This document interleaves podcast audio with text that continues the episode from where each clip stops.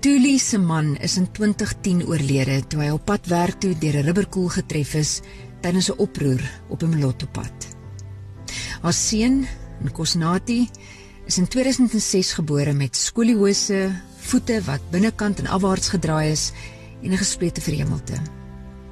Nkosnati het gesukkel om te eet en om vloeistowwe te sluk. Hy het 'n nasale stemtoon ontwikkel en die kroniese oorinfeksies het uiteindelik tot gehoorverlies gelei. Die grootste uitdaging was egter om sy ruggraat te probeer regstel. Nou gewoonlik sou dit by geboorte in 'n ordentlike mediese fasiliteit so gou as moontlik reggestel word, maar dit was onbekostigbaar vir hierdie ouers. Tuli werk in 'n winkelsentrum in Mamelodi en as enkelma het sy geen ander keuse as om 'n kamer naby Nkosnati se skool te huur en dan steeds R750 per maand te betaal vir sy vervoer nie. Hy kan nie met 'n gewone taxi of bus ry nie. Verder dra sy hom elke dag van punt A tot punt B, want ook die rolstoel wat hy nodig het, moet spesiaal vir hom gebou word. Nkosnati, wat beteken God is with us in Ndebele, is 'n besonderse kind. Hy het al so baie beleef en tog kies hy om gelukkig te wees en 'n betekenisvolle lewe te leef binne die beperkings wat hy elke dag in sy liggaam ervaar. It's already been a, a very difficult road for for you as a family raising Kosnati and having the the different challenges but doing it on your own I can just imagine how difficult that must be. It's very difficult because Nkosnati is a special a special child. for me it wasn't easy even now it's not easy because mm. i have to take him to hospital for checkup four times five times a month sometimes he gets sick he's supposed to i is supposed to take him to the doctor it's not easy for me mm. And uh, even this is not easy for me for a school because i have to move from home to Mamelodi so that she can get a a better school. Mm. And at Mamelodi is not my place. I'm, I'm renting a room.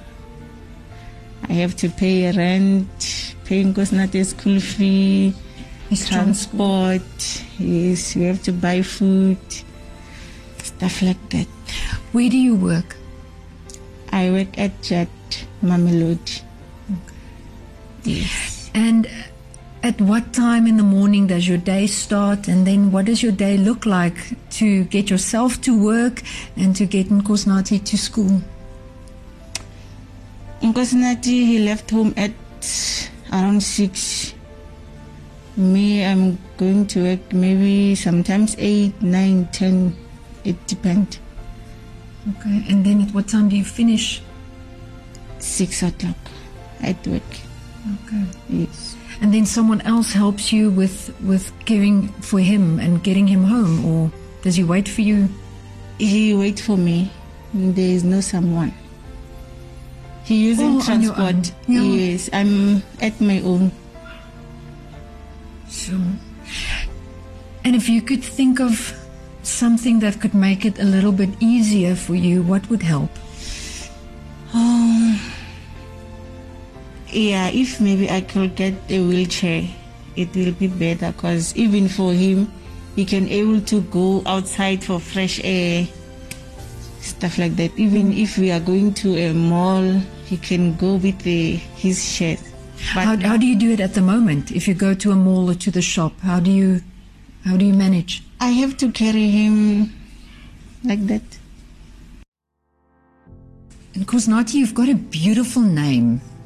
And my name is Osinati, and I'm I'm 14 years old, and I go to Victoria School, and I'm in Alexia, and I stay with my mother.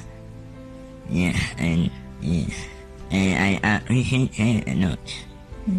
Yes, and yeah, when I grow up, I'll take care of her. Because, Okay. yes, because she's taking care of me now. Do you have a message for other young people who also struggle with some kind of disability. Because what I know about you is that you have a very positive attitude. And no one's going to get you down. You're going to take care of your mother one day. So, what would your message be to other young people also struggling with a disability? And they must accept who they are. They mustn't change for others. And they must love themselves more. And then they can, they must always uh, be positive about themselves. Mm. And be happy. Yes. because Nkosinati is so brave, he gave me like even me I'm getting much stronger. I'm getting much stronger from him mm. because he accept the way he is. Mm. I even accept him and I love him so much. And I don't care if someone look at him like otherwise. I don't care. I even proud more than that. Adri, ehm um, jy's die een wat vir ons die, die e-pos gestuur het by Groot FM om ons te vertel van hierdie ma en haar seun. Hoe het julle paie gekruis? Ja, Katrine is al deel van ons gesin en familie seker al vir 13 jaar. So gaan stap hulle lank pad saam met hulle en ag ons is seker so jaar terug in die kantoor het ons girls almal gesit en gesê kom ons doen ietsie nice vir Katrine want sy maak skoon by die kantoor en sy's so deel van ons en ons het 'n oggend gereël wat ons vir Kosnati en Tulie genooi het om te sê kom bietjie saam en ons wil van hom ietsie maak om hom te probeer help en ons wil graag geld insamel dat ons as Kemp en Moelman as die span saam vir hom ietsie kan gee en ietsie terugploeg in die gemeenskap in. En ja, so ons stap ons ek dink is dit meer as 'n jaar. Ek kan nou baie seker maak wat ons regtig probeer het om dit reg te kry en ons het by 'n paar mense gaan aanklop en Groot FM was die enigste mense wat bereid was om ons te help. So Adriana span het die eerste gedeelte van die fondse bymekaar gemaak vir Kosnati se elektriese rolstoel. En toe het 'n goeie vriend van ons, Wouter Snyman van Atu, gesê dat hy graag die balans wil gee. Hoe wonderlik is dit nie om in vandag se uitdagende tye geïnspireerd te word deur individuele stories en Kosnati is een van daai mense, jong seun wat baie meer uitdagings in sy lewe geken het, sy jong lewetjie wat ek teen teen en ooit sal ervaar. En net sy durf en sy moed en sy sy geesdrif om ongeag sy uitdagings net nog steeds 'n verskil te maak. En dis hoekom ons hom en sy ma graag wil help om so 'n bietjie gemakliker oor die weg te kan kom.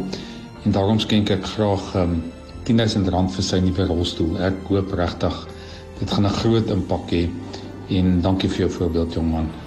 En uh, nou kan ons vir hulle die goeie nuus deel. So in Kosnati and Tuli we uh, we have some good news and I'm going to ask Audrey to to share what that good news is.